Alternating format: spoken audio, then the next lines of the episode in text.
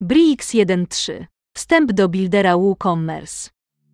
Nie zauważyłem, że pod koniec czerwca pojawiła się nowa wersja Brix, bardzo udanego kreatora stron, który ma ambicje powalczyć z Elementorem. Czy mu się to uda, czas pokaże, ale narzędzie jest na tyle dobre, że o ważniejszych jego aktualizacjach staram się informować na jak zrobić stronę. Dziś będzie nie inaczej, ponieważ wersja 1.3 tego kreatora przynosi bardzo wyczekiwane funkcje związane z WooCommerce. Od tej wersji można już nie tylko budować layout dla wpisów czy stron, ale także dla produktów i archiwów produktów WooCommerce. To pierwsza odsłona i jeszcze niekompletna, ale zanim pojawi się wersja 1.4 mamy otrzymać pełną funkcjonalność. Oznacza to, że w Brix stworzymy także inne strony sklepu, takie jak strona zamówienia, koszyka itd. Na razie pozostaje przetestować kreatora na polu budowy strony pojedynczego produktu. Uruchamiając sekcję z szablonami, widać już na liście dwa nowe ich rodzaje: pojedynczy produkt i archiwum. Wystarczy wybrać na przykład produkt pojedynczy i można zacząć układać layout z widgetów. Jakie nowe widgety WooCommerce zagościły w kreatorze? Praktycznie wszystkie niezbędne do tego, aby zaaranżować stronę produktu wedle własnych potrzeb. Z lewej strony zrzutu ekranu powyżej widzimy ich 13. Tytuł produktu, galeria zdjęć, krótki opis produktu, cena, magazyn, dane meta, oceny, główny opis produktu, dodanie do koszyka, powiązane produkty, dodatkowe informacje i zakładki upsells. Ułożenie powyższego schematu strony dla produktu zajęło mi może 3 minuty.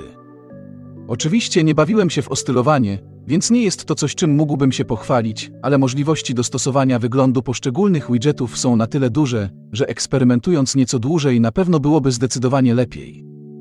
Na razie w ustawieniach Brix pod kątem WooCommerce nie ma wielu opcji. Ale jest jedna, o którą bardzo często jestem pytany. Jak wyłączyć to nieszczęsne powiększenie zdjęcia produktu po najechaniu kursorem?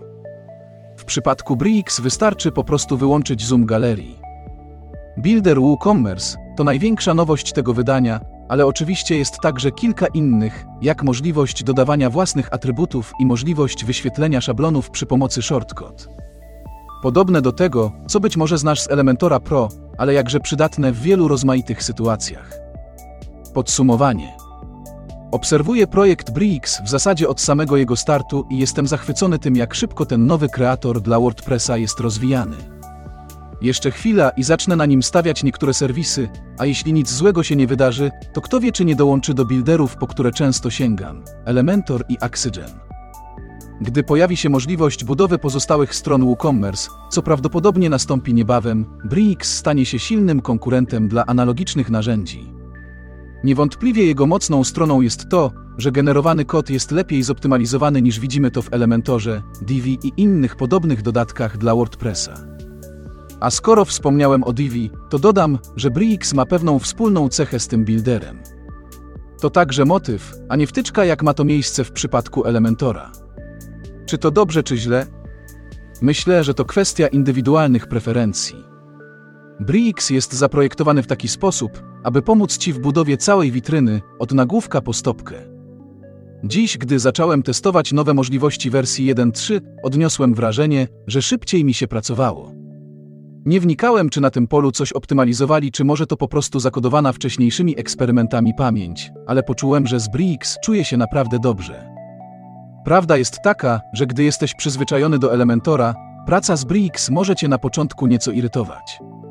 Ale wystarczy odrobina samozaparcia, żeby po kilku dniach stwierdzić, że to jednak wygodne. Polecam ci przetestować. Jeśli masz hosting WordPress, napisz do mnie, a udostępnię ci go do testów. Odsłuchałeś zapis audio artykułu z Jak zrobić stronę. Zapraszam do częstych odwiedzin.